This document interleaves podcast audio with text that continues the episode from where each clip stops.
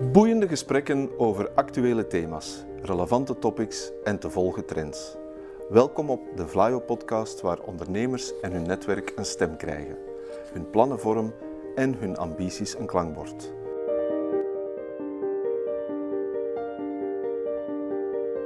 To the point waar het kan, dieper gravend waar het moet. Inspirerend, informerend, ondersteunend. Van artificial intelligence, blockchain en circulaire economie tot digitale zorg. Wij knopen het in jouw oren.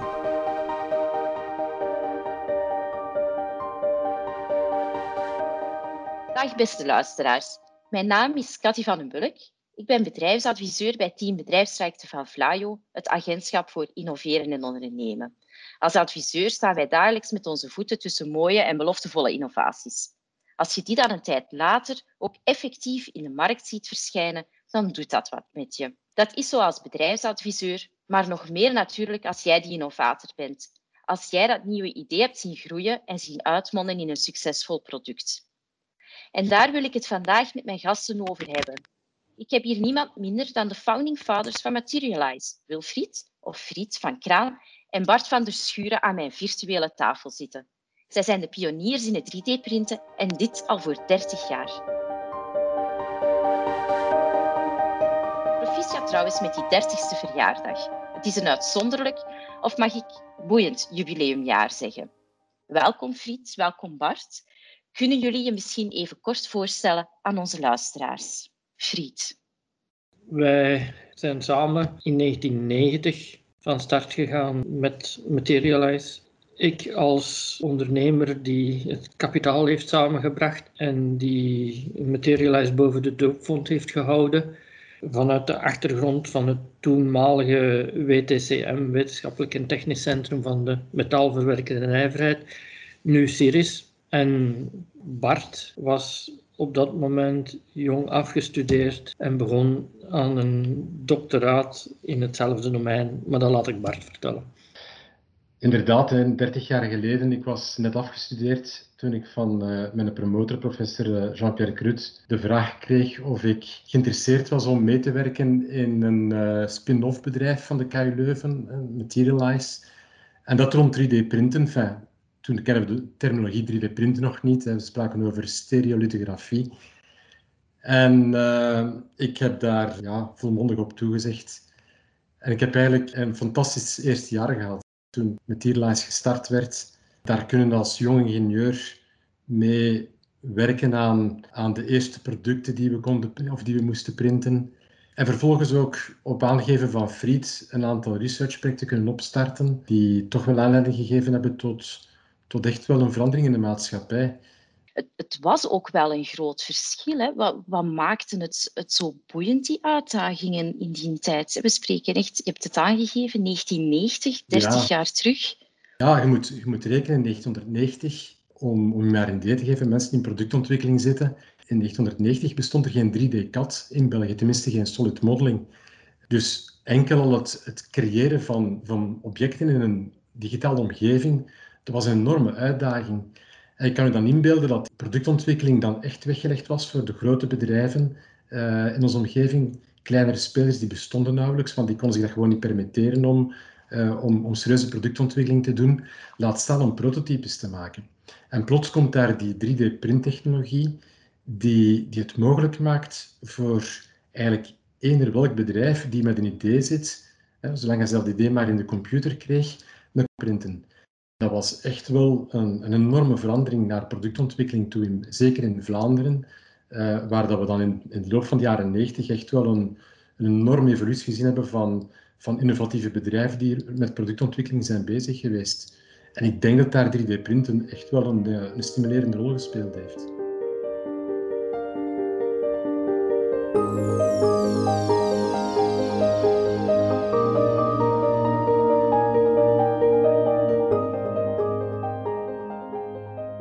Wat waren zo de eerste sectoren waar jullie actief in waren? Waar was dat 3D-printen in het begin echt wel goed voor? Wel, in eerste instantie is uh, eh, 3D-printen actief geweest in wat wij vandaag uh, rapid prototyping noemen, of wat toen stilaan als rapid prototyping erkend is geweest. Maken van prototypes meestal van onderdelen of producten die via het klassieke spuitgieten in grote series gerealiseerd werden. En dat gebeurde dus vooral zoals Bart aangaf bij de, de grotere bedrijven, de, de Philipsen uh, van deze wereld. Maar met Materialize hebben we echt wel van in het begin heel hard proberen na te denken van ja, waarom doen we dit? En zijn we fier dat we van in ons beginjaar, ons mission statement zoals we dat noemen, dat we onze technologie inzetten zowel op hardware als softwaregebied voor een betere en gezondere wereld. En het toepassen van dat mission statement heeft ons onmiddellijk geleid tot bijvoorbeeld ook een aantal medische toepassingen. Dat we niet alleen de printer gebruikten om prototypes te, te printen van, van producten, maar dat we het ook gingen gebruiken eigenlijk om ja, modellen van de menselijke anatomie in latere fase instrumenten en implantaten te gaan printen. En dat is waar Materialize in, in het technische domein een, een koploper was in, in, in Europa en, en zeker in de Benelux, zijn we dat voor het medische op wereldschaal geweest. 3D-printen of additive manufacturing laat customization, personalisatie, series van één op een heel vlotte manier toe. Dus door, door daar een heel nieuw ecosysteem uit te bouwen, kunnen we nu echt nieuwe markten gaan, gaan transformeren, zoals dat ooit met hearing aids gebeurd is. Zoals dat ook volop aan de gang is in de dentale en de medische sector, geloven wij dat er ook heel veel mogelijkheden zitten in footwear en eyewear. En dat, dat tekent jullie denk ik wel, hè? dat jullie altijd verder doorgedacht hebben en dus echt heel sterk naar een USP zijn gaan kijken. Hè? Ja, dat klopt. 3D-printen heeft eigenlijk gedurende die 30 jaar op zijn minst in de gespecialiseerde sectoren en in de onderzoekswereld eigenlijk altijd sterk in de belangstelling gestaan. En dus we hebben altijd echt heel goed moeten opletten in, in die heel competitieve wereld van onderzoeksinstellingen, uh, van, van bedrijven, universiteiten die bezig waren met alle mogelijke toepassingen van 3D-printen en 3D-printtechnologieën te ontwikkelen. Waar moet Materialize op focussen?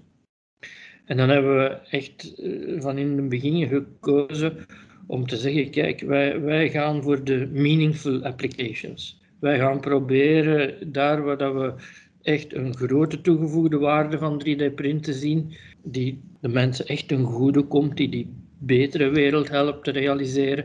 Daar gaan wij ons op toeleggen en dat gaan we dan vooral doen door die applicaties mogelijk te maken met softwareontwikkeling. En ja, dat heeft dan gemaakt dat we eigenlijk van in ons eerste jaar de drie grote activiteiten van Materialize opgestart hebben. Hè. Enerzijds services, eerst prototyping, nu veel meer manufacturing. Uh, in tweede instantie software development. En het derde luik, medische 3D-printing applicaties met software en services, waarbij dat we met de software en de medische applicaties op wereldschaal actief zijn en de manufacturing services binnen Europa concentreren.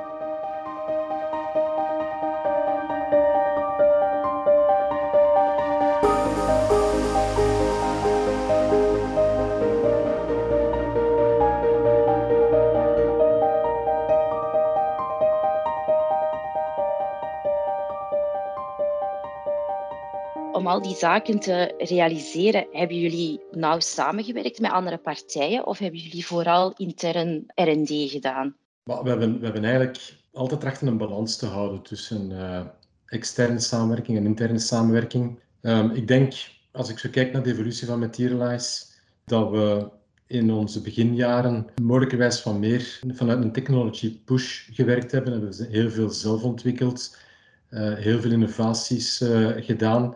Maar naarmate dat we groter werden, is ook dat besef gegroeid van, kijk, je kan dan dingen, je kan innovaties, eh, kan je niet alleen doen. Je moet dat echt wel eh, in partnership doen. Je moet dat met, met, met, met mensen doen die, bijvoorbeeld zoals Friet net al zei, die, die de applicaties hebben, die de toepassing hebben.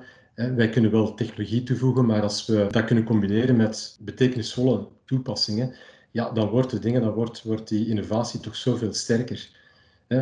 Ik kan een voorbeeldje geven van begin jaren 2000, eind jaren 90, begin jaren 2000, toen wij eigenlijk vanuit Materialize en vanuit de industrie in een bredere zin op zoek waren naar manufacturing toepassingen, dus het toepassen van technologie voor het produceren van eindgoederen, waarbij dan op zeker moment de vraag kregen vanuit de industrie rond gehoorapparaten. Dat een hoorapparaatje eigenlijk wel kon geprint worden, maar men liep toen vast op de engineering van de data.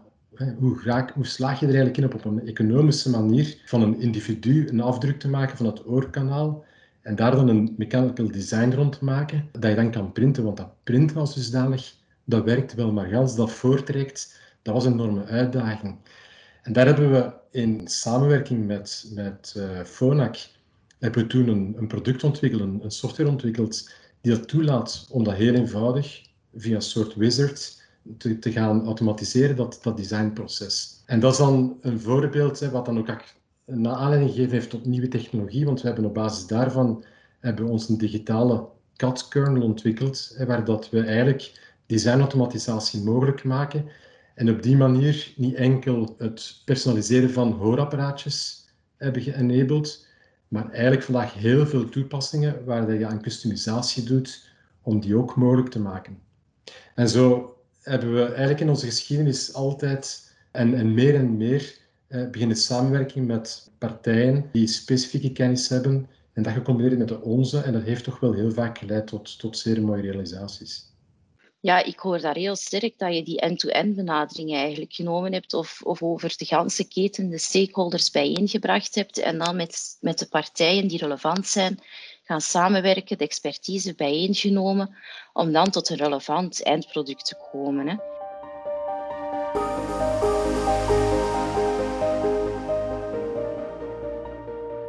We hebben het nu al redelijk wat over de eerste jaren gehad. Ik zou nu verder willen springen naar het heden. Hè. Je geeft het ook aan, er is al veel veranderd in de 3D-printen. Daar waar dat er in het begin relatief weinig toepassingen waren, merk je nu dat er enorm veel toepassingen op de markt zijn en ook in enorm veel uiteenlopende sectoren.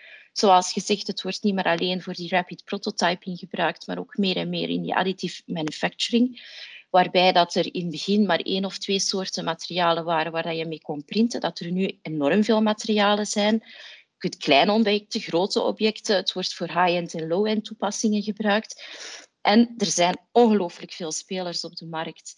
Maar Fried, hoe positioneert Vlaanderen zich nu in deze markt? Want het is niet meer alleen Materialize, er is, er is veel. Er zijn ook veel Vlaamse bedrijven. Hoe, hoe staat Vlaanderen ten opzichte van de wereldmarkt? Wel, ik denk dat we daar uh, echt wel fier mogen zijn op de, de positie die er uitgebouwd is. En vanuit toch wel een, een situatie waarin dat we, zeker bij de start van Materialize, uh, minder toegang hadden tot middelen dan bijvoorbeeld de Duitse industrie met al zijn Fraunhofer-instituten en met zijn grote bedrijven die van in het begin ja, printer manufacturers konden ondersteunen, hebben wij in Vlaanderen, als je wilt, van de nood een deugd gemaakt door ons te, te focussen op verschillende applicaties, door een goede samenwerking tussen de, de KU Leuven en later ook andere universiteiten en industriële spelers eh, met materialize op kop. Later zijn er ook weer andere bijgekomen.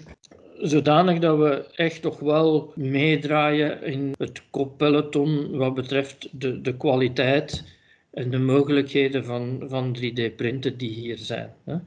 En daarbij is het belangrijk van te zien dat 3D-printen of additive manufacturing echt een, een productietechnologie is geworden die op heel veel domeinen kan toegepast worden. En dat heeft te maken met eigenlijk een, een soort van shift in de productieomgeving. Ik zal het als, volgt omschrijven. Hè. Wanneer iedereen uh, werkplaatsen had of productieruimtes met alleen maar freesmachines en draaibanken en, en laat ons zeggen klassieke productietechnieken, als er dan iemand dacht aan een nieuw product, dan ging die automatisch denken in functie van iets dat gevreesd, gedraaid en gespuitgoten en zo verder kan. Ja. Al zoveel jaren toegelegd is volledig op dat 3D-printen. Wanneer dat er bij Materialize iemand aan eh, iets denkt, en dat kan zowel een product extern zijn, maar ook heel dikwijls gewoon kleine hulpmiddelen of zo die we intern nodig hebben, ja, dan gaat dat de facto 3D-print worden. En wat we nu zien gebeuren is dat heel veel bedrijven 3D-printers in hun productieomgeving beginnen te hebben, dikwijls als een klein hulpmiddel. Maar door het feit dat het er is, kunnen ze het gebruiken om een of ander ondersteunend middeltje, om een of ander toeltje te maken. En kunnen er stilletjes aan nieuwe ideeën ontstaan om met 3D-printen ook te gaan produceren.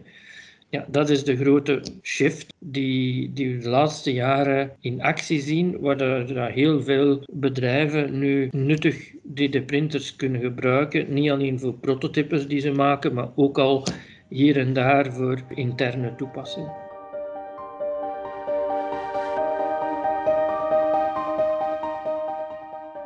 In de sector Vlam 3D heeft een enquête uitgestuurd. De resultaten zijn nog niet volledig binnen, maar we hebben toch al wat tussentijdse uh, resultaten gezien. En eigenlijk hoor ik jullie dat al zeggen. Dus de bedrijven zetten in op het 3D-printen, hebben inderdaad printers in huis, willen zelfs nog uitbreiden in de printers zien meer en meer toepassingen. Maar een van de zaken, wat dat ook aangeven, wat dat niet evident is, is om de juiste expertise en know-how in huis te hebben. En dat was een van de redenen dat ze aangaven dat ze toch ook nog een heel deel van hun printwerk uitgeven. Is dat iets dat jullie als Materialize ook ervaren, dat het moeilijk is om expertise en know-how te vinden?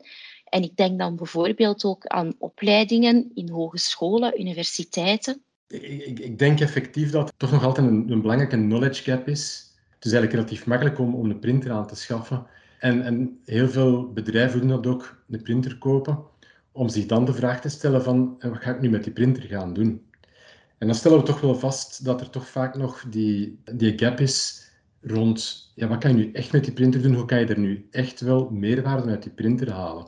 Voor een aantal voorbeeldjes waar dat Friet naar verwezen, waar dat wat bedrijven uh, allerhande hulpstukjes uh, kunnen printen intern, daar speelt dat minder een rol. Maar zeker als het gaat over het, het gebruik van geprinte onderdelen in een groter geheel, in een product uh, dat je op de markt brengt, ja, dan stellen we toch wel vast dat er toch nog heel veel onzekerheid bestaat bij de gebruikers. Dat men ook vaak heel veel tijd verliest met van alles uit te zoeken. En, en daarvan hebben wij toch wel zelf ook wel de conclusie getrokken van misschien hebben we een rol te spelen als Materialize nog om een stukje mee te helpen aan die, aan die educatie. En, en eigenlijk hebben we dat uh, verwoord in de zin van je hebt aan de ene kant uh, hardware beschikbaar, de printers waarmee je kan printen. Je hebt ook software beschikbaar en ook nodig, want software speelt een hele cruciale rol in het uh, goed kunnen printen. Maar je hebt ook een stukje mindware nodig. De geest die op de juiste manier omgaat met de beperkingen van het printen, maar gelijktijdig ook met de sterktes van het printen. Het is in dat mindware-verhaal dat wij vandaag ook trachten meer en meer klanten mee te nemen in een verhaal van hoe zij meerwaarde kunnen gaan halen uit het 3D-printen om hun productontwikkeling te verbeteren, om hun marktaanbod, hun, hun productaanbod uh, te verbeteren uh, en dergelijke meer. Het is eigenlijk een stukje die shift die Friet er net aangaf van termen te denken van het printen. Hè? Dus niet meer te denken in termen van de klassieke engineering, maar echt in termen van ja, hoe kan ik nu in mijn gans proces dat printen gaan integreren. Juist, ja, dat klopt. Dus dat is echt, het is het, het, het holistisch gaan, ja, gaan inplannen van dat printverhaal. En hebben jullie dan het gevoel als je uh, mensen aanwerft, technische mensen aanwerft, dat zij al mee zijn in het verhaal? Met andere woorden, dat de opleiding aan de universiteiten, hogescholen daar voldoende rekening mee houden? Of is het net dat wat je zegt van daar zouden wij nog een rol kunnen spelen? Ik geloof dat de FabLabs en zo echt wel een goede rol spelen. We merken dat, dat jonge mensen echt al, al veel meer openstaan, als ik het zo mag zeggen, voor, voor de nieuwe technologie. Bovendien dragen zij minder kennis mee en in sommige momenten kan, kan ja, kennis een beetje ballast zijn van de aanpak met de, met de oudere technologieën. Dus ik denk niet dat het probleem zich daar in de technische opleiding situeert op dit moment. Er zijn heel veel stappen in de goede richting gezet. Uh, maar ja, het is natuurlijk nog zo dat uh, als we over holistische approach spreken, zoals Bart net deed, dan, dan spreken we over ecosystemen. En ja, daar de businessmodellen, de, de manieren waarop dat producten inpassen in een groter geheel, de mogelijkheden om producten logistiek te behandelen door ja, bijvoorbeeld geen voorraad meer te hebben, maar te, te printen on demand en zo ja, dat zijn concepten die echt nog moeten doordringen op grotere schaal in heel veel verschillende takken van de markten. Hè. En dus daar is nog echt een, een heel traject te gaan buiten het puur technologische. Alhoewel dat we natuurlijk ook moeten toegeven dat met 30 jaar voelen we ons toch nog altijd echt jong als technologie. En er zijn echt nog wel heel wat stappen te zetten op het vlak van, van procescontrole, op het vlak van zorgen dat we ja, meer repeatable producten kunnen genereren en zo verder. Zodanig dat de, de techniek echt betrouwbaarder en betrouwbaarder kan neergezet worden in, in de concurrentie met andere technieken. En daar is het echt wel zo dat men dikwijls het 3D-printen onderschat qua moeilijkheidsgraad. We, we, drukken het altijd zo uit, omdat je niet mag denken dat 3D-printen net één dimensie meer is. Nee, er zijn heel wat dimensies meer. Want tijdens het 3D-printen zit je ook je materiaal te fabriceren.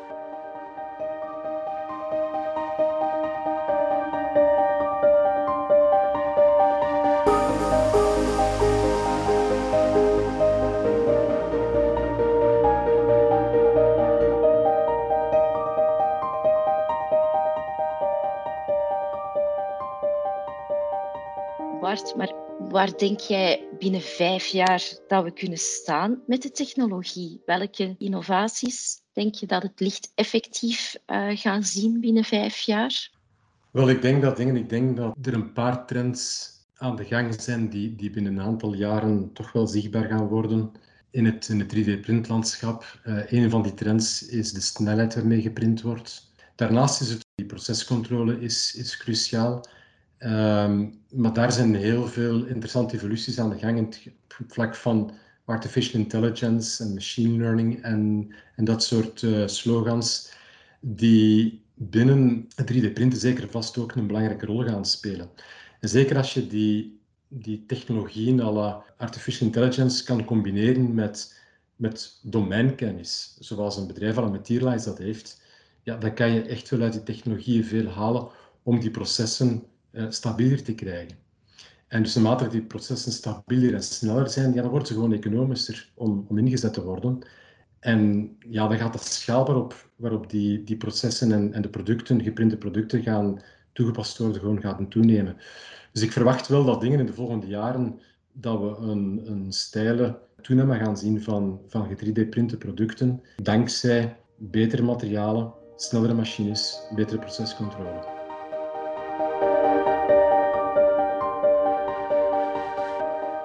Als we spreken vandaag over een betere wereld, dan kunnen we er niet omheen dat dan een sustainable wereld moet zijn. En wanneer we de vele troeven van 3D-printen beschouwen, dan zitten er daar zeker heel wat bij die ons op weg kunnen zetten om een meer sustainable, duurzame wereld te creëren. Maar we moeten ons er goed van bewust zijn dat 3D-printen op zich niet kan omschreven worden als een sustainable technologie. Vandaag hoor je heel veel, ja, je moet meer 3D printen, want dan is het sustainable.